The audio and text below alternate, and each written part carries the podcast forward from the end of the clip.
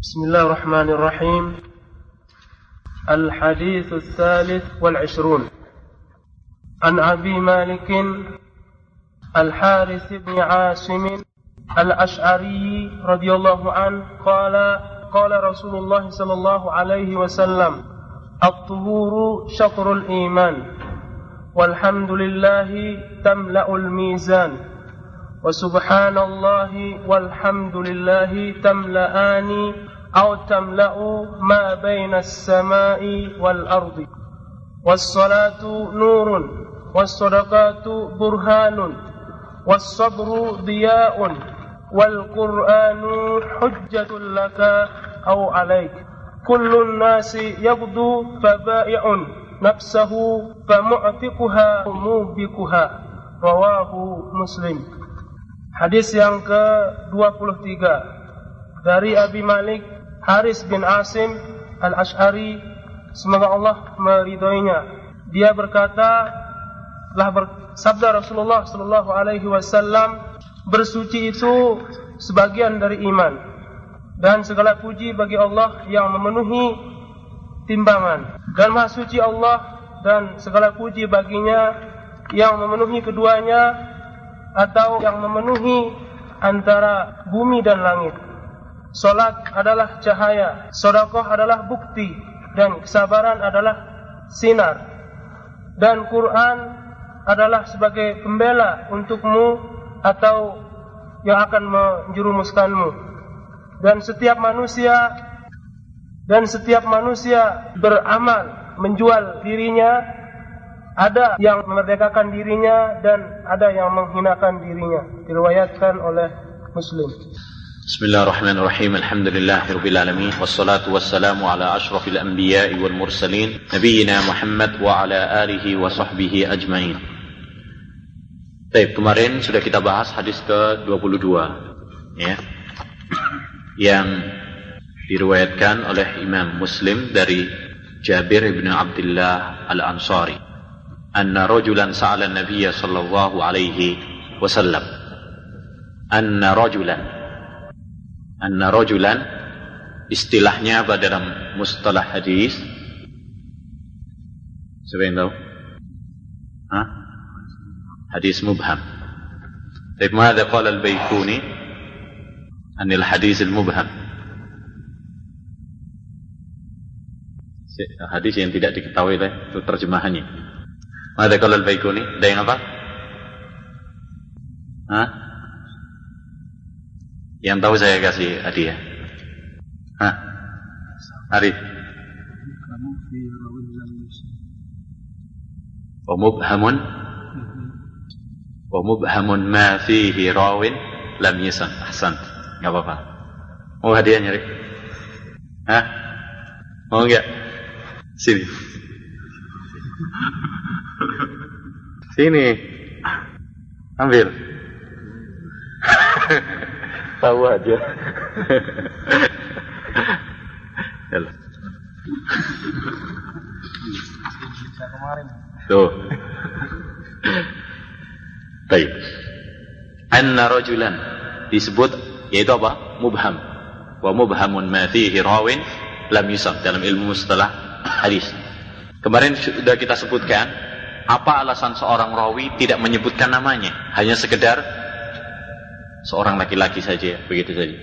Atau seorang tua datang kepada Nabi, bertanya kepada Nabi, tapi tidak disebut namanya. Ada beberapa alasan atau sebab. Kayaknya PR hantu ini. Ya. Nah, sudah dihafalkan belum? Nah, apa satu? Yang pertama memang tidak diketahui Ya, karena mungkin orang pendatang gitu ya, orang baru. Yang kedua lupa. Nah, lupa. Tahu namanya cuma kemudian apa?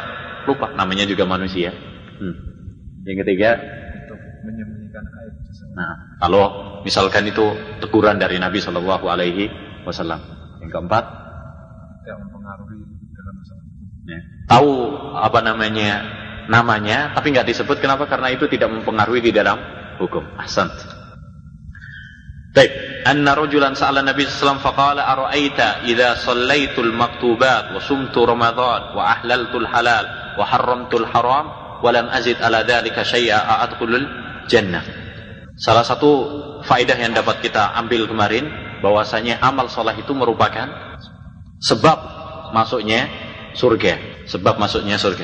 Tapi ada muskilah dalam hadis ini, yaitu ada hadis yang lain yang dohirnya bertentangan, yaitu hadis riwayat dari Abu Hurairah radhiyallahu an yang menyebutkan apa? La yadkhula ahadam minkumul jannah bi amalihi.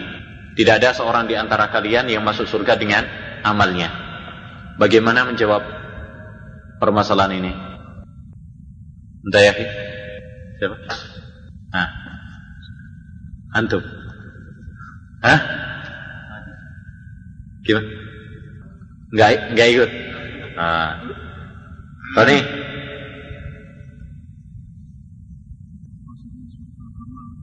Gimana gimana? Maksudnya surga itu adalah amal Tapi amal soleh itu sebagai jalan untuk menuju larang-larang. Hadis apa? Hadis, hadis dengan hadis. Ah, antum sampingnya. Hah? Nggak bisa? Lah kemarin paham? Paham. Baik, sorry. آه، ada dalam hadis bima kuntum bima bi'amalihi yani babul iwad Hmm. adapun di dalam ayat udkhulul jannah bima kuntum ta'malun adalah bab ba bab sabiyah Baik, Ahsan. Dalam ayat Allah SWT mengatakan ya, Udkhulul jannata bima kuntum ta'malun. Ya, masuklah kalian surga dengan sebab yang kalian lakukan, dengan sebab perbuatan kalian, amal soleh kalian. Taib, ada hadis la yadkhula ahadum minkumul jannata bi amalihi. Seorang di antara kalian tidak masuk surga dengan perbuatannya. Baknya di sini baknya lain. Dalam ayat baknya bak sababiyah, artinya amal soleh merupakan sebab masuknya surga. Tetapi dalam hadis ya yang dinafikan oleh Nabi Shallallahu Alaihi Wasallam baknya bukan bak sababiyah, tapi baul iwat bak gantian. Seperti saya mengatakan, saya membeli kitab dengan 10 real, berarti gantian seharga. Kitab itu memang seharga berapa? 10 real. Tetapi surga tidak seharga dengan amal perbuatan kita. Amal soleh merupakan sebab tetapi tidak seharga. Hadis yang ke-23. Bismillahirrahmanirrahim. An Abi Malik Al-Haris bin Asim Al-Ash'ari radhiyallahu anhu qala Dari Abu Malik. Ini kunyahnya. Al-Haris bin Asim. Ya. Nama beliau adalah Haris bin Asim. Al-Ash'ari radhiyallahu anhu. Jadi kunyahnya adalah Abu Malik. Namanya Haris bin Asim. Tapi perlu diketahui bahwasanya nama beliau ini diperselisihkan banyak. Ya. Nama beliau ini diperselisihkan banyak sekali. Adapun yang dikuatkan oleh Imam Nawawi di sini adalah Haris bin Asim. Padahal eh apa yang beliau kuatkan ini kita belum mengetahui para ulama sebelumnya. Jadi dalam kitab-kitab biografi sahabat ya, belum ada nama Abu Malik itu Haris bin Asim kecuali dari Imam An-Nawawi rahimahullahu taala. Oleh karena itu yang paling kuat insyaallah taala nama beliau adalah Al Haris ibnu Malik. Banyak diperselisihkan ya. Ada yang mengatakan kebalik, Malik bin Haris, ada Haris bin Haris, ada Haris bin Malik dan sebagainya. Ya. Tapi wallahu alam yang kuat adalah Haris bin Malik al-Ash'ari. Dan hal itu sesuai dengan kebanyakan para sahabat di mana mereka memberikan kunyah dengan siapa? Nama nama bapaknya. Dan itu faidah itu sudah kita jelaskan pada hadis sebelumnya di mana Jabir bin Abdullah beliau punya kunyah namanya siapa? Abu Abdullah. Jadi kunyah beliau Abu Abdullah mengambil dari bapaknya karena bapaknya namanya Abdullah. Demikian juga ini Abu Malik Al Haris mungkin tapi ini hanyalah apa? Satu pendapat ya, di antara beberapa pendapat karena nama beliau seperti tadi saya sebutkan diperselisihkan. Dan beliau termasuk sahabat yang mulia ya. banyak meriwayatkan hadis dari Nabi Muhammad sallallahu alaihi wasallam. Al-Asy'ari. Ini adalah nisbah beliau, Al-Asy'ari. Kalau kita dengar Al-Asy'ari mengingatkan kepada kita seorang sahabat yang lebih masyhur. Siapa? Hah? Abu Musa Al-Asy'ari. Seorang sahabat yang lebih masyhur dengan Al-Asy'ari, yaitu Abu Musa Al-Asy'ari. Dan mengingatkan juga kepada kita seorang imam yang banyak diikuti terutama di negeri kita nah, yang nisbahnya juga kepada Al-Asy'ari yaitu siapa? Abul Hasan Al-Asy'ari karena nisbah Abul Hasan Al-Asy'ari itu sampai kepada sahabat Abu Musa Al-Asy'ari paham ya? jadi nisbahnya dia namanya dia itu sampai kepada siapa? sahabat Abu Musa Al-Asy'ari radhiyallahu an wa rahimahullahu taala. Dan di sini perlu disinggung bahwasanya Imam Abdul Hasan Al-Asy'ari rahimahullahu taala awalnya beliau adalah seorang Mu'tazilah. 40 tahun beliau bersama Abu Ali Al-Jubai. Ya, yaitu bapak iparnya. 40 tahun. Bayangkan. Ya, bayangkan sebentar. 40 tahun. Ya, jadi sangat apa? Nempel sekali pemahaman Mu'tazilah. Kemudian setelah itu beliau apa? Berubah. Ya, ikut pemahaman Kulabiyah.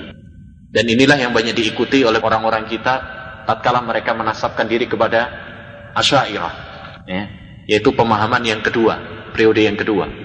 Setelah periode yang kedua ini kemudian beliau berubah lagi kepada manhaj as-salaf as-salih. Ya. Sebagaimana beliau tegaskan di dalam mukaddimah kitab beliau Al-Ibanah fi Usulid Diyanah dan demikian juga dalam kitab beliau Maqalat Islamiyin dan dalam kitab beliau juga Ta'ala ila ahli sahur dalam tiga kitab ini beliau menegaskan bahwasanya beliau di atas akidah lul hadis ya mengikuti madhab Imam Ahmad ibnu Hanbal rahimahullahu taala. Jadi beliau pertamanya apa? Mu'tazilah, kemudian Kullabiyah, kemudian setelah itu mengikuti madhab ahlul hadis. Orang-orang kita mengikuti yang mana? Periode yang ke yang kedua. Eh, yang kedua. Eh, yang menetapkan sifat Allah Subhanahu wa itu hanya tujuh. Kemudian ditambahi oleh Abu Mansur Al-Maturidi jadi 20 sifat. Yang mungkin sebagian kita dulu masih kanak-kanak atau enggak kanak-kanak juga ya, belajar wujud kidam baqa, mukhalafatul lil hawadisi dan seterusnya sampai apal gitu ya. Nah, ini adalah akidah Asy'ariyah yang ditambahi oleh Abu Mansur Al-Maturidi sampai 20 sifat. Asli dari Abu Hasan Asari sendiri cuma 7 sifat. Baik, itu hanya sekedar selingan. Qal qala Rasulullah sallallahu alaihi wasallam at-tuhuru syatrul iman. Suci itu adalah separuh dari iman. Setengah dari iman. At-tuhur diambil dari taharah, suci. Dan suci di sini mencakup dua hal. Ya, mencakup dua hal. Yang pertama adalah taharah hissiyah. Taharah hissiyah. Seperti wudhu. Ya, jadi taharah suci badan kita. Ya. Seperti wudhu, mandi, kemudian apa namanya bersih pokoknya ya pakaian kita yang bersih ini juga termasuk apa tohara hissiyah badan kita pakaian kita ya dan sebagainya yang kedua adalah toharoh maknawiyah. Toharoh maknawiyah. Kebersihan apa? Kalau tadi badan yang nampak kalau yang kedua ini kebersihan yang tidak nampak. Yaitu kebersihan di dalam hati. Ya kebersihan di dalam hati. Dan mana yang paling penting? Yang pertama atau yang kedua? Ya? Nah, yang lebih penting. Dua-duanya penting. Tapi mana yang lebih penting?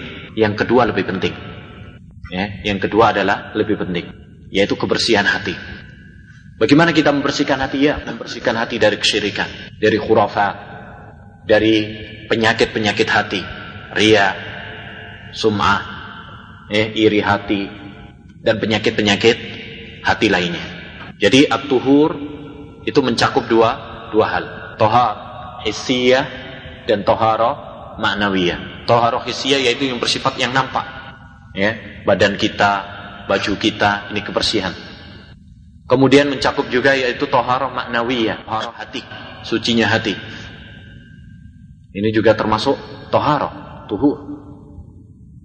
Oleh karena itu firman Allah Subhanahu wa taala misalkan inna Allaha yuhibbul mutatahhirin, sungguhnya Allah Subhanahu wa taala mencintai orang-orang yang bersuci, mencakup apa? Dua hal ini. Toharoh hissiyah dan toharoh maknawiyah. Ya, toharoh hissiyah dan toharoh maknawiyah. Dan firman Allah Subhanahu wa taala juga, "Wasiyabaka fatahhir" dan pakaianmu sucikanlah ya juga mencakup dua hal kebersihan baju dan kebersihan juga yaitu apa? Hati juga. Jadi mencakup apa? Dua hal. Jadi kebersihan mencakup dua hal. Jelas ini ya dan dari sini dapat kita ambil satu faedah bahwa Islam sangat menekankan kebersihan Islam sangat menekankan kebersihan karena Allah Subhanahu wa taala menganjurkannya. Dan Rasulullah sallallahu alaihi wasallam menganjurkannya. Salah kalau ada orang mengatakan bahwasanya kebersihan itu yang mengajarkan adalah orang-orang Eropa atau orang-orang barat. Islam tidak menekannya, keliru. Hal itu yang mengatakannya berarti adalah orang-orang yang jahil tidak mengerti tentang agama Islam. Eh? Oh Islam itu apa? Kotor. Karena mungkin melihat sebagian orang Islam kotor sehingga mengatakan Islam tidak mengajarkan kebersihan. Ini keliru. Ya. Kalau ada orang Islam yang mencuri bukan berarti kemudian Islam mengajarkan apa? Mencuri. Bedakan antara undang-undang dengan pelakunya. Ya. ya. Bedakan. Karena berapa banyak Islam memerintahkan tapi orangnya orang Islamnya kemudian tidak melakukannya. Islam melarang tapi orang Islamnya yang malah apa? menerjangnya. Jadi bedakan antara hukum ya, undang dengan orang yang pelakunya. Baik, jadi Islam sangat menekankan apa? kebersihan. Kalau antum baca atau pelajari dulu mungkin ngebayanginnya bahwasanya itu bukan dari Islam yang mengajarkan adalah orang-orang yang bukan dari Islam ini adalah satu hal yang keliru. Mereka mengatakan oh orang Islam kotor-kotor misalkan. Ya, lihat orang-orang kafir, masya Allah rapi-rapi anunya. Ini adalah satu pemahaman yang keliru. Yang seharusnya kita umat Islam lebih utama daripada mereka. Eh, lebih utama daripada mereka. Nah, syatrul iman. Apa syatrul iman? Setengah dari keimanan, separuh keimanan. Jadi kebersihan, kesucian itu adalah separuh dari keimanan. Dan kita katakan tadi kebersihan mencakup dua hal, kebersihan hati dan kebersihan apa? badan. Apa maksudnya bahwasanya kebersihan termasuk separuh dari keimanan? Kalau itu kebersihan hati, ya, kalau itu kebersihan hati, maka maksudnya adalah karena keimanan itu, ya, keimanan itu atau kesempurnaan itu dengan apa? Dengan membersihkan dan menghiasi. Tahliyah bahasa Arabnya, tahliyah pakai kha dan tahliyah pakai ha. Kalau tahliyah itu membersihkan. Kalau tahliyah itu menghiasi. Sebagai suatu gambaran, kalau misalkan kita punya anak, ya, anak putri, misalkan ya, ya masih kecil. Baik. Kemudian apa namanya dia mungkin mungkin masih main-main, ya, namanya juga anak-anak. Kemudian apa kotor sana kotor sini bajunya, dan kita ingin memakaikan kepadanya baju baru atau pakai perhiasan-perhiasan kita belikan. Apa yang kita lakukan? Apakah langsung kita pakaikan atau kita bersihin dulu, mandiin dulu? Hah? Mandiin dulu. Ya, mandiin dulu ini namanya tahliyah, membersihkan. Paham? Baik, kemudian setelah itu kita pakaikan baju dan kita kasih perhiasan, kasih sirip. Ini namanya tahliyah, menghiasi. Jadi yang pertama kita bersihkan dulu, kemudian setelah itu kita hiasi.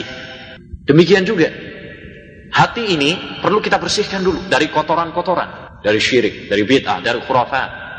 Ini adalah salah satu separuh dari keimanan. Setelah itu kita isi dengan yang baik. Kita isi dengan keimanan.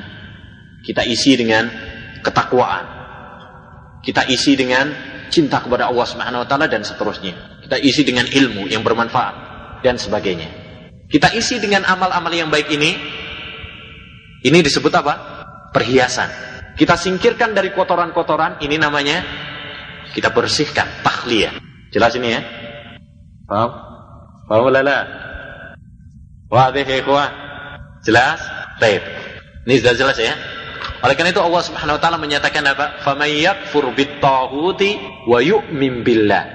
Faqad istamsaka bil urwatil wuthqa. Barang siapa yang kufur terhadap tauhid, ini kita bersihkan dulu. Kita singkirkan hati ini, kita bersihkan dari kotoran-kotoran. Kemudian apa? Wa yu'min billah. Kemudian beriman, yakni kita kasih perhiasan. Jelas? Atau kurang jelas? Kalau kurang jelas, ngomong saja kurang jelas, ya. Enggak usah malu-malu.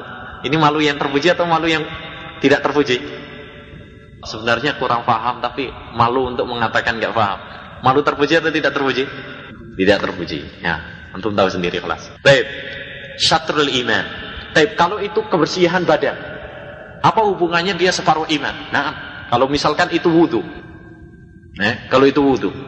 Wudhu ini termasuk kebersihan.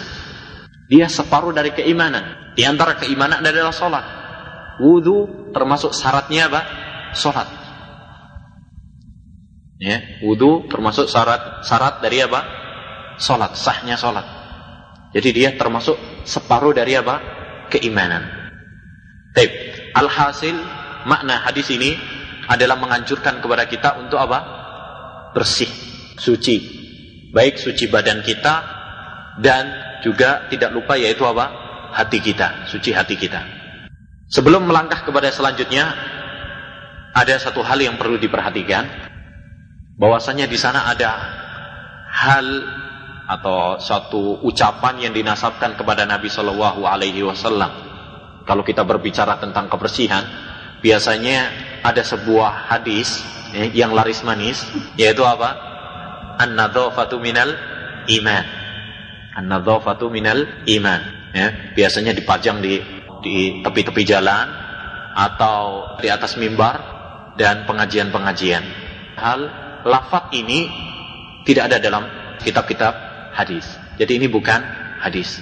Kita perlu tegaskan dan perlu kita ingatkan agar kita tidak bohong kepada Nabi Muhammad SAW. Banyak orang mengatakan al hadis, nggak pakai rawahul Bukhari Muslim nggak al hadis. Riwayat siapa? Nggak tahu tuh. Eh, cari sendiri. Ya. An-nadhafatu minal iman ini bukan apa? Hadis. Ya. Cukuplah bagi kita yaitu ayat-ayat Al-Qur'an, Inna wa yuhibbut tawabin wa yuhibbul mutatahhirin. Demikian juga hadis ini at-tuhuru syatrul iman. Udah cukup ayat atau hadis yang menganjur dan banyak sekali hadis-hadis yang menganjurkan tentang kebersihan. Adapun pakai hadis-hadis yang tidak sahih kemudian menasabkan kepada Nabi Muhammad. Kalau itu tidak dinasabkan kepada Nabi nggak ada masalah. Nadzafatu minal iman. Alas, dia tidak menasabkan kepada Nabi, nggak ada masalah. Adapun kalau kamu nasabkan kepada Nabi Muhammad SAW, berarti kamu berdusta kepada Nabi. Man kadzaba alayya muta'ammidan falyatabawwa maq'adahu minan nar. Barang siapa yang berdusta kepadaku, ya, maka silahkan dia apa? Menyiapkan tempat duduknya di neraka. Baik, kita beranjak kepada selanjutnya. Walhamdulillahi tamlaul mizan. Alhamd alif lam atau al lebih tepatnya al lil istighraq. Apa lil istighraq itu? Istighraq adalah seluruh pujian. Jadi bimakna al di situ seluruh pujian. Al bimakna kullu, seluruh. Ya lil istighraq. Istighraq itu ya, kaidahnya kalau kamu bisa mentakdirkannya dengan kullu, itu namanya istighraq. Seperti misalkan wal asri innal insana lafi khusr innal insan. Al al insan itu maksudnya adalah inna kulla insan. Kan gitu ya? Sungguhnya seluruh manusia dalam kerugian. Ya? Al di sini berarti lil istighraq seluruh. Demikian juga ini. Alhamdulillah seluruh pujian. Alhamdu. Apa sih alhamdu? Alhamdu didefinisikan oleh Syekhul Islam Taimiyah dan Imam Ibn Al-Qayyim wasful mahmudi. Ya? Bil kamal mahabbatan wa ta'dhiman. Ya alhamdu maksudnya adalah definisinya wasful mahmudi bil kamal. Mahabbatan wa ta'dhiman. Apa artinya? Alhamd adalah kamu mensifati zat yang kamu puji ya dengan kesempurnaan. Ya, mensifatinya dengan sifat-sifat yang sempurna. Tetapi mensifatinya dengan apa? Mahabbatan wa ta'ziman. Didasari kecintaan dan pengagungan. Ini definisi alhamd. Apa? Yaitu mensifati yang kamu puji dalam hal ini yaitu Allah Subhanahu wa taala, memuji Allah Subhanahu wa taala dengan sempurna. Dengan pujian-pujian yang baik. Tetapi pujian kita ini harus didasari dengan apa? Mahabbah, cinta dan ta'zim, pengagungan. Ya, mahabbah dan ta'zim ini perlu. Karena kalau sekedar pujian tanpa cinta dan pengagungan bukan disebut alhamd. Tapi nanti disebut dengan apa? Madah. Madah dibalik, mimnya didahulukan. Madah. Jadi kalau hamidah itu adalah memuji dengan cinta dan pengagungan. Tapi kalau madaha al-madah itu adalah apa? Memuji begitu saja. Tanpa harus dibarengi dengan apa? Kecintaan dan pengagungan. Seperti kalau ada penyair ya memuji seorang pemimpin misalkan. Kan banyak kalau antum baca dalam kitab-kitab syair bagaimana para penyair itu memuji para pemimpin-pemimpinnya. Tapi apakah didasari karena kecintaan dan pengagungan? Tidak. Wasyu'ara'u yatba'uhumul ghawun. Banyak para penyair itu hanya sekedar cari duit saja. Ya dipuji. Nanti biasanya pemimpinnya, oh bagus ini syairnya. Akhirnya kasih apa? Duit. Dan si penyair tidak mengharapkan apa? Cinta dan pengakuan enggak. Karena ingin ya, mengorek fulusnya. Nah itu. Tapi kita tatkala kita memuji Allah Subhanahu wa taala ya, kemudian didasari dengan takdim dan mahabbah ini disebut apa? Al-hamd. Jadi apa bedanya alhamdu sama al-madhu? Kalau alhamdu didasari memuji dengan didasari apa? Cinta dan pengagungan. Tapi kalau al-madhu ya, memuji begitu saja tanpa harus didasari dengan apa? Cinta dan pengagungan. Dan ini termasuk kehebatan bahasa Arab. Hanya diputar mimnya sudah lain artinya. Imam Ibnu Taimiyah rahimahullah seperti disebutkan oleh Imam Ibnu Qayyim sering memberikan perbedaan-perbedaan seperti ini. Tetapi yang palingnya adalah Imam Ibnu Qayyim. Kalau Imam Ibnu Taimiyah rahimahullah sebenarnya bisa, tetapi apa? Beliau tidak menyibukkan dengan bahasa seperti ini. Beliau sibuk dengan apa? Akidah. Ya. Beliau sibuk dengan akidah. Suatu saat Imam Ibnu Qayyim rahimahullah taala menanyakan tentang masalah bahasa seperti ini. Tapi uh, Imam Taimiyah mengatakan, "Ta'allaqal barku najdiyan faqultu lahu ilaika anni fa inni anka mashghulu." Jadi pergi sana. Saya apa? Ya, mashghul. yakni sibuk untuk cuma membahas apa? Masalah bahasa-bahasa seperti ini. Ya. Saya sibuk dengan membahas apa? Masalah yang lebih penting dari itu yaitu akidah. Alhamdulillah. Taib. Kenapa kita memuji Allah Subhanahu wa taala? Dan kenapa Allah Subhanahu wa taala perlu dipuji? Ya. Yang pertama, karena Allah Subhanahu wa taala memiliki sifat-sifat yang sempurna. Memiliki sifat-sifat yang sempurna. Yang kedua, karena begitu banyak nikmat Allah Subhanahu wa taala kepada kita. Ini dua alasan kenapa Allah Subhanahu wa taala yang berhak untuk dipuji dan hanya dia saja yang berhak. Yang pertama karena dia memiliki apa? Sifat-sifat yang sempurna. Alhamdulillahi rabbil alamin. Segala puji bagi Allah Subhanahu wa Rabb semesta alam. Eh, jadi seakan-akan Allah Subhanahu wa taala mengatakan, pujilah Allah Subhanahu karena dia adalah Rabb yang mengatur segala alam, yang memiliki sifat-sifat sempurna. Yang kedua, kita memuji karena Allah Subhanahu begitu banyak memberikan nikmat kepada kita. Oleh karena itu perhatikan tentang makna alham. Ya, tidak keluar dari dua ini. Yaitu karena Allah taala kalau menyebutkan dalam Al-Qur'an setelah alhamdu tidak keluar. Imma menyebutkan tentang apa? Kesempurnaan sifatnya atau menyebutkan tentang nikmatnya. Alhamdulillahilladzi nazzala al-furqana ala 'abdihi liyakuna lil alamina nadhira. Ini adalah nikmat. Segala puji bagi Allah SWT yang menurunkan Al-Quran eh, kepada manusia untuk sebagai peringatan bagi hambanya. Ini adalah nikmat. Kalau yang pertama karena kesempurnaan apa?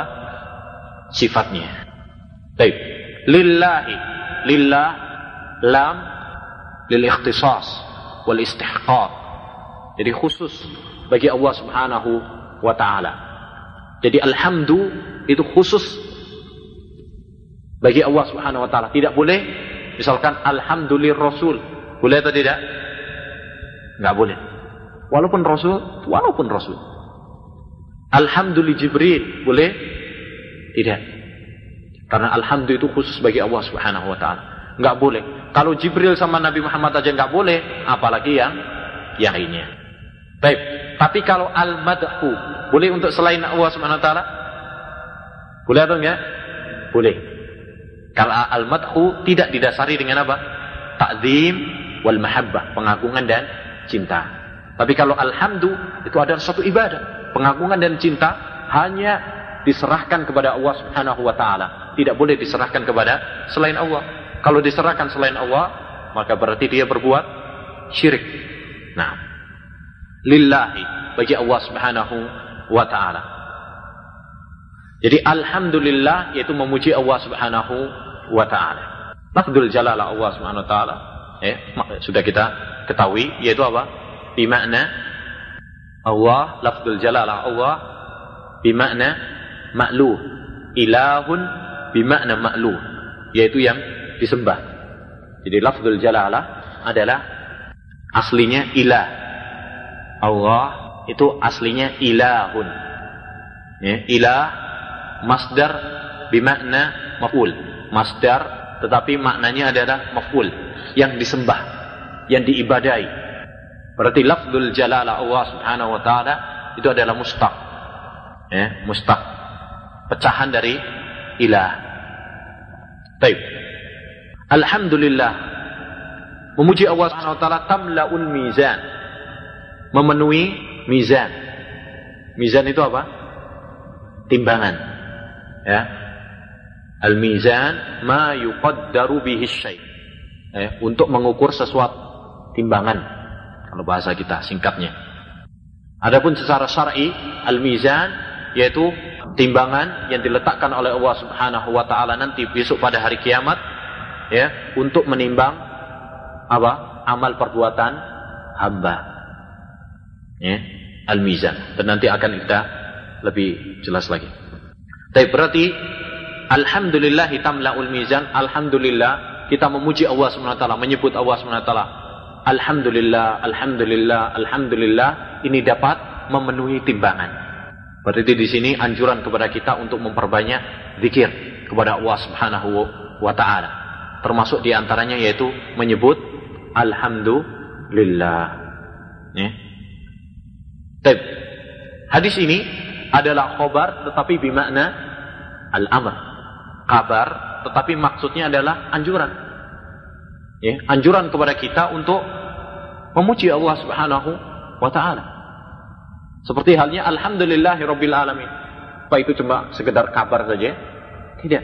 Tapi berisi kabar tetapi berisi atau mengandung anjuran kepada kita untuk banyak memuji Allah Subhanahu wa taala. Jadi seakan-akan itu adalah perintah ihmadu wa jalla wa ala. Ya, pujilah Allah Subhanahu wa taala. Baik, wa subhanallahi walhamdulillah tamla'ani atau tamla'u ma baina as-sama'i wal ard. Subhanallah. Subhana yakni mensucikan Allah Subhanahu wa taala. Subhana nasab karena dia masdar ya maf'ul mutlak subhanallah ya memuji uh, me, mensucikan Allah Subhanahu wa taala dari segala aib dan kekurangan dan perlu diketahui bahwasanya Allah Subhanahu wa taala kita sucikan dari tiga perkara kita mensucikan Allah Subhanahu wa taala dari tiga perkara yang pertama dari sifat-sifat yang kurang. Dari sifat-sifat yang kurang. Aib. Dalilnya Allah Subhanahu wa taala berfirman, "Wa tawakkal 'alal hayyil ladzi la yamut." Bertawakallah kamu kepada Allah Subhanahu wa taala, zat yang hidup dan tidak mati. Berarti di sini kita membersihkan Allah Subhanahu wa taala dari sifat yang jelek. Apa sifat yang jelek tersebut? yaitu mati. Kita bersihkan Allah SWT dari sifat yang kurang, aib bagi Allah Subhanahu wa taala.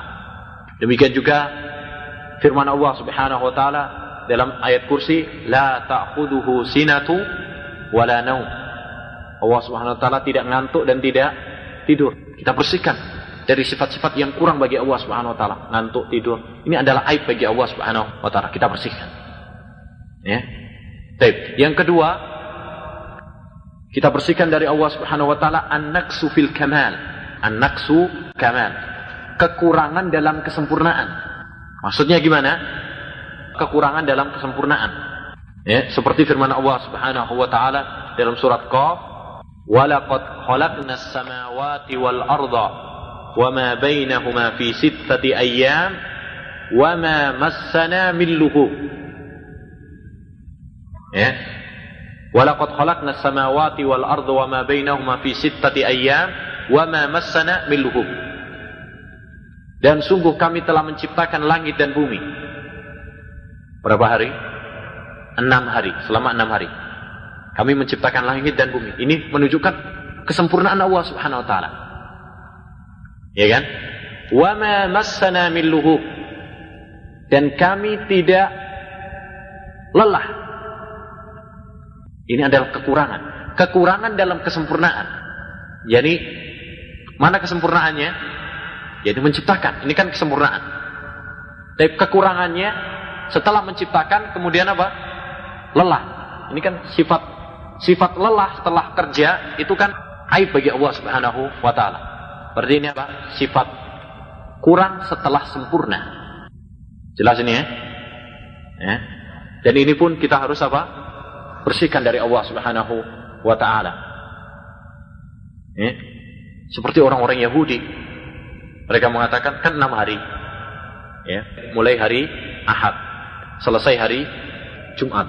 Ya, penciptaan langit dan bumi itu dimulai hari apa? Ahad. Selesai hari Jumat. Kata Yahudi, orang-orang Yahudi, Sabtunya istirahat. Capean. Ta'ala wa amma yakuluna uluwang kebira. Maha suci Allah SWT dari ucapan orang-orang Yahudi. Ya, Allah SWT dibilang apa? Capek. Oleh karena kita membersihkan sifat lelah dari Allah SWT. Yang ketiga, yang perlu kita bersihkan juga dari Allah Subhanahu wa taala, mumasalatul makhluk. Sama dengan makhluk. Jadi Allah Subhanahu wa taala tidak sama dengan makhluk. Dalilnya, laisa kamitslihi syai'un wa huwas samiul basir. Tidak ada yang serupa dengan Allah Subhanahu wa taala dan dia Maha mendengar lagi Maha melihat, ya. Mendengar lagi Maha melihat. Wa huwas samiul basir. Eh, Jadi tidak boleh bagi kita untuk menyamakan Allah SWT dengan makhluk. Misalkan turunnya Allah SWT sama seperti turunnya makhluk. Atau tangannya Allah SWT sama dengan tangannya makhluk. Ini tidak, tidak boleh. Bagaimana kita menyamakan ya, zat yang sempurna dengan zat yang serba kekurangan. Ini satu aib, satu dosa yang sangat besar. Menyamakan Allah SWT dengan makhluknya. Ya, mensejajarkan, menyamakan ya zat yang kurang dengan zat yang sempurna ini adalah apa?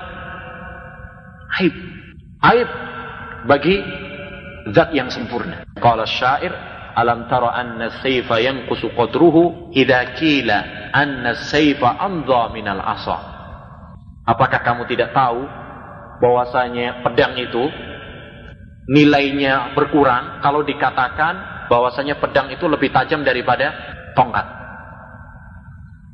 karena semua orang tahu yang namanya pedang lebih tajam daripada tongkat. Kalau kamu bandingkan antara tongkat dengan pedang, membandingkannya ini adalah penghinaan kepada pedang. Sebagai contoh, walillahil mathalul a'la. Kalau kamu mengatakan misalkan, ya, ada orang kurus namanya Mat misalkan. Kamu mengatakan, "Woi, ada pertandingan tinju. Mat Beken lawan Meteson." Beken yang kurus itu lawan Mateson. Ini penghinaan kepada Mateson kan? Orang petinju internasional yang terkenal yang sudah mengalahkan beberapa orang dibandingkan dengan apa? Perlawanan dengan seorang yang kurus. Ini penghinaan kepada Pada mati itu kepada siapa? Makhluk dengan makhluk. Membandingkannya saja penghinaan. Apalagi kamu kepada Allah Subhanahu wa taala. Ya. Itu sekedar apa? Gambaran. Jelas ini ya. Jadi kita harus membersihkan Allah Subhanahu wa taala dari sifat-sifat yang jelek. Dari sifat-sifat yang jelek dan menyerupai dari makhluk dan sifat yang jelek setelah kesempurnaan. Wa subhanallahi walhamdulillah. Alhamdulillah sudah kita jelaskan tadi. Tamla'u au tamla'ani ma baina samai wal ard. Memenuhi antara langit dan bumi. Tamla'ani au tamla ini adalah keraguan dari rawi. Ya, jadi rawi ragu. Apakah Nabi mengatakan tamla'ani atau tamla'u? Kalau tamla'ani berarti dua-duanya. Alhamdulillah sama subhanallah. Tapi kalau tamla'u berarti cuma salah satunya saja. Ya, Mungkin subhanallah atau alhamdulillah saja yang memenuhi langit dan bumi. Tapi ini tidak mempengaruhi. Pakai tamla'ani atau tamla tidak mempengaruhi kesohihan hadis. Ya, tidak mempengaruhi hukum di sini. Oleh karena itu hadis ini diriwayatkan oleh Imam Muslim sekalipun ada keraguan di dalam rawi. Hanya saja hal ini memberikan faedah kepada kita bagaimana para perawi hadis mereka begitu hati-hati di dalam meriwayatkan hadis. Ya, sehingga keraguan atau perbedaan yang dia sendiri ragu dicantumkan dua-duanya. Ima ini atau ima itu yang dikatakan oleh Nabi Shallallahu Alaihi. Ya, menunjukkan tentang kehati-hatian mereka di dalam apa? Meriwayatkan hadis.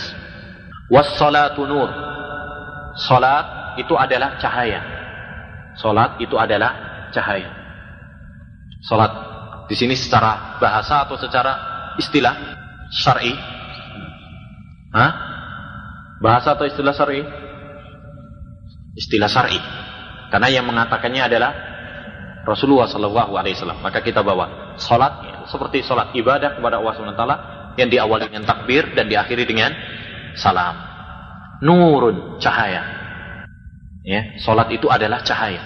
Cahaya penyejuk di dalam hati. Ya, dan cahaya yang bersinar di wajahnya. Dan cahaya juga nanti di kuburnya. Dan cahaya juga nanti di akhiratnya. Jadi ada berapa? Empat. Ya, cahaya di dalam hati. Seorang yang sholat dengan khusyuk, dengan melakukan rukun dan syaratnya, dengan tumak nina, khusyuk, maka dia akan mendapatkan dalam hatinya kesejukan, ketentraman. Ya. Jarib tajid. Ya. Cobalah. Ya. Seorang yang melakukannya dengan apa khusyuk, ya, dengan uh, rukuknya, dalam sujudnya, maka dia akan mendapatkan dalam hati ini apa? Kelonggaran dalam hati. Oleh karena itu Nabi SAW mengatakan, waju ilat kurrotu aini fisalah. Ya. Allah Subhanahu wa taala menjadikan saya bagi saya penyejuk mata di dalam sholat. Karena Nabi Shallallahu Alaihi Wasallam sholatnya tumak nina khusyuk. Tapi kalau ada yang mengatakan banyak orang sholat tapi nggak tetap aja apa namanya tidak mendapati hatinya sejuk tentraman, sumpah terus hatinya gundah terus. Kita katakan apa yang disabdakan oleh Nabi Shallallahu Alaihi Wasallam benar. Kita beriman bahwasanya apa yang dikatakan oleh Nabi adalah hak. Tapi kenapa kok saya tidak mendapatkan nur, tidak mendapatkan cahaya? Berarti di sini apa? Bukan ucapan Nabi Sallallahu yang salah, tetapi mungkin kamu tidak melakukannya ya secara semestinya. Ya, mungkin karena kurang khusyuknya, mungkin karena ya uh, ada beberapa pencegahnya. Ada orang sholat, tapi pikirannya ke mana? Ke mana kemari? Ada sholat di sini, di masjid Masna Tumur sini, tapi pikirannya di Indonesia. Ada. Dan itu banyak ya kan. Orang sholat, tapi pikirannya bisnis, uang. Nanti waduh gimana ini? Ya. Gimana cara bisnis yang cari bisnis yang cepat, ya, singkat, padat, ya, kaya, cepat. Ada begitu. Ada yang berpikir, wah sholat tapi pikirannya, wah setelah pulang harus langsung nikah. Tapi cari yang mana ya? Nah, pikiran. Dan banyak. Dan itu satu hal yang kenyataan. Bagaimana dia akan mendapatkan apa? Kesejukan dan ketentraman. Kalau begini caranya. Berarti apa? Jangan salahkan hadisnya. Salahkan kepada apa? Diri kita. Seperti halnya misalkan. Allah subhanahu wa ta'ala mengatakan. Wa qala rabbukum udu'uni astajib lakum. Iya apa enggak? Ya. Ya apa enggak? Ya mesti. Ya. Allah SWT mengatakan berdoalah kepada saya, saya akan mengabulkan. Janji Allah Subhanahu wa taala. Pasti benar. Cuma kalau ada yang mengatakan, saya sudah berapa kali doa tapi enggak terkabulkan sampai sekarang. Ya, kita katakan, jangan ucapan Allah SWT kamu salahkan, tapi apa? Salahkan dalam doamu. Salahkan dirimu. Ya, mungkin dalam doa kamu kurang tumak nina, kurang membutuhkan Allah Subhanahu wa taala. Kurang percaya kepada Allah Subhanahu wa taala. Mungkin juga karena makanan dan harta yang kita kita makan adalah dari harta yang haram koreksi. Jadi salahkan diri, kita jangan salahkan Al-Quran atau hadis. Apa yang dikatakan Al-Quran dan hadis pasti benar. Ya. Oleh karena itu, sesuatu itu seperti kemarin saya katakan, sesuatu itu tidak sempurna kecuali apabila apa? Ya, terpenuhi sebabnya dan hilang segala penghalangnya. Demikian juga dalam doa harus ada sebabnya dan harus terhilang apa? Eh, pencegahnya. Demikian juga dalam sholat. Demikian dalam amal-amal soleh yang lainnya. Nah, as-salatu nur. Sholat itu adalah cahaya. Di dalam hatinya dia akan merasakan ketentraman, bahagiaan, kesejukan. Dan ini ya ikhwani yang dicari oleh semua orang. Yang dicari semua orang. Orang-orang kafir, orang yang lain. Kenapa mereka stres? Banyak di antara mereka stres. Kan orang Islam juga ya. Kemudian banyak di antara mereka yang bunuh diri. Eh, bunuh diri banyak. Eh, hanya karena satu permasalahan, kemudian apa? Gantung diri, minum baikon. Ya, banyak sekali. Kenapa mereka begitu cepatnya? Karena merasakan kesempitan di dalam hati mereka. Tidak merasakan kebahagiaan dalam hati mereka. Ya. Jadi ini as-salatu nur dalam hati. Demikian juga dalam wajah bersinar. Orang yang biasanya sholat akan nampak keceriaan ya yang bersinar di dalam apa wajah mereka. Karena kalau sholat dia apa? Wudhu kan? Berarti apa? Membersihkan. Masa sholat kemudian apa? Baunya gini kan nggak pantas. Ya, akhirnya apa? Berarti bersinar di dalam wajahnya. Dan itu kenyataan. Coba antum bandingkan saja. Walaupun orangnya hitam loh ya, tapi kalau dia uh, sholat ini subhanallah akan memancar dalam hati, memancar dalam wajahnya. Tapi, antum bandingkan orang-orang yang nggak pernah sholat, lihat terminal-terminal atau para preman-preman, ya, lihat orang mukanya aja udah kayak, aduh, persis dengan kuburan, ya kan? Udah wajahnya kayak narkoba, ini, sumpah, lihat aja takut. Tapi bandingkan dengan orang-orang yang aktif di masjid dan sebagainya. Wajah mereka apa? Lihat itu senang gitu. Ya, dan itu adalah satu hal yang kenyataan juga. Salatun nur. Taip. Kemudian yang ketiga yaitu apa di kuburan. Ini masalah goib. Ya, moga-moga nanti kita dikubur kemudian dilapangkan oleh Allah Subhanahu wa taala. Dan nanti juga di akhirat. Karena di akhirat nanti orang yang memiliki amal soleh akan apa? Memiliki sinar sesuai dengan amal soleh masing-masing. Baik. Was-sadaqatu burhan. As-sadaqah burhan. Sodakoh, sedekah, infak. Baik sodakoh yang wajib, seperti zakat misalkan, atau sodakoh yang sunnah. Sodakoh, diambil dari kata sodakoh, jujur, kebenaran. Itu adalah burhan, bukti. Bukti tentang imannya. Jadi sodakoh itu adalah bukti tentang kebenaran imannya. Kenapa? Karena tatkala dia berinfak, berarti dia mengeluarkan sesuatu yang dicintai oleh hati. Apa sih yang dicintai dalam hati? Uang kan? Semua kita, siapa yang nggak pengen uang? Zuyyina linnasi hubbus syahawati minan nisa'i wal banin wal qanatiril muqantarati minadh dhahabi wal fiddah. Al mal wal banun zinatul hayatid dunya. Ya, semua kita difitrahkan oleh Allah suka suka terhadap apa? Uang, suka terhadap wanita, suka terhadap emas dan perak, Baik. Nah, tatkala dia memberikan infak atau menginfakkan, mengeluarkan kepada orang lain, itu menunjukkan tentang apa? Dia butuhkan. Karena dia mengeluarkan apa yang dia cintai oleh hatinya. Ya. Maka hal itu menunjukkan tentang kebenaran imannya. Jadi sodakoh. Itu dari kata apa? Kebenaran. Tatkala dia bersodakoh menunjukkan kejujuran imannya. Seperti as-sodak.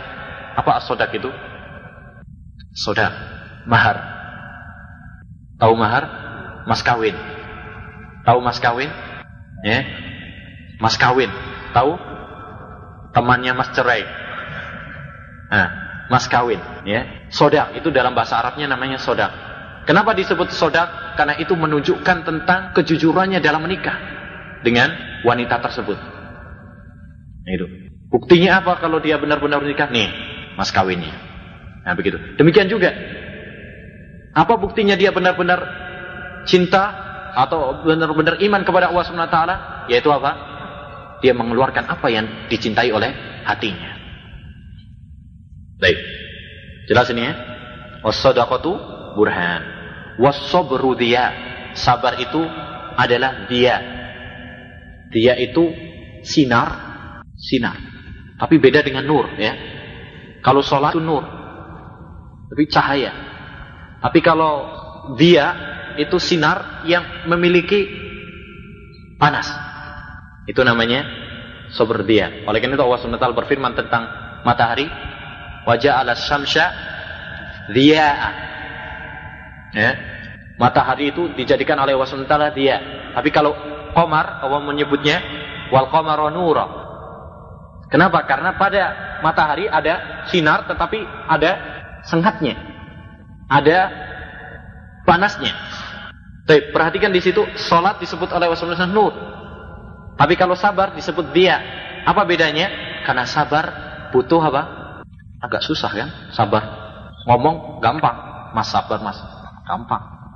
Tapi prakteknya untuk sabar ini apa? Agak susah.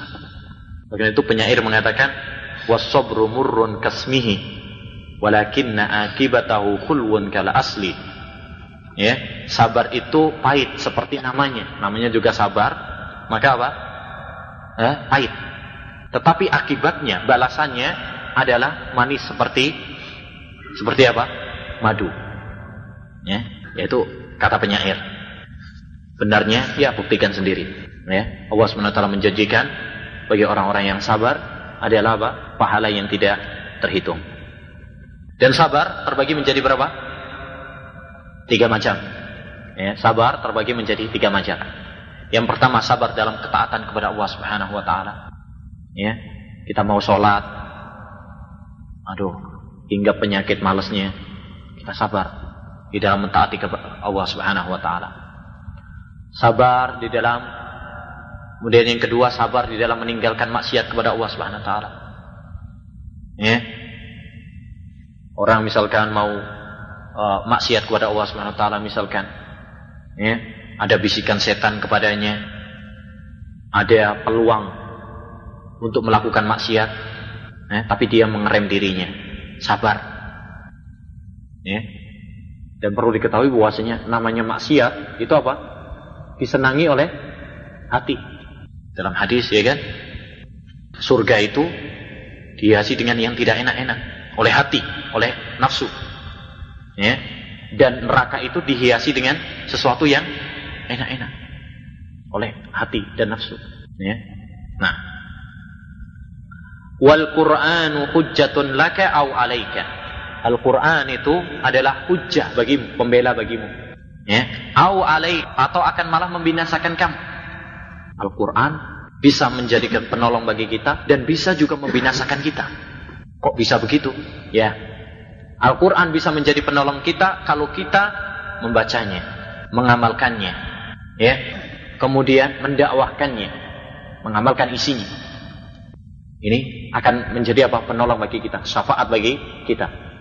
Nabi Shallallahu Alaihi Wasallam bersabda, "Iqra'ul Quran, fa innahu ya'ti yaumal qiyamati syafi'an di ashabi." Eh, bacalah Al-Quran, tapi bukan membaca lafadznya saja, membaca lafadznya dan juga maknanya dipraktekkan amal diamalkan isinya ya Karena nanti pada hari kiamat dia akan memberikan syafaat bagi ahlul Quran. Orang-orang yang membaca dan mengamalkannya. Au alaik. Atau malah membawa bencana kepada kamu. Kalau kamu tidak mengamalkannya. Tidak pernah membaca. Al-Quran hanya sebagai pajangan semata. Ya. Hanya sekedar untuk nanti bacaan ketika kematian. Ya. Mana? Kirim pahala. Ikuha au mubikuha. Ya. Semua manusia itu adalah pergi bekerja. Ya. Faba'i'un nafsahu famu'tikuha. Dia menjual dirinya. Ada yang memerdekakan dirinya. Yaitu dengan ketaatan kepada Allah Subhanahu wa taala. Au mubikuha atau menghancurkan dirinya sendiri, yaitu dengan kemaksiatan kepada Allah Subhanahu wa taala.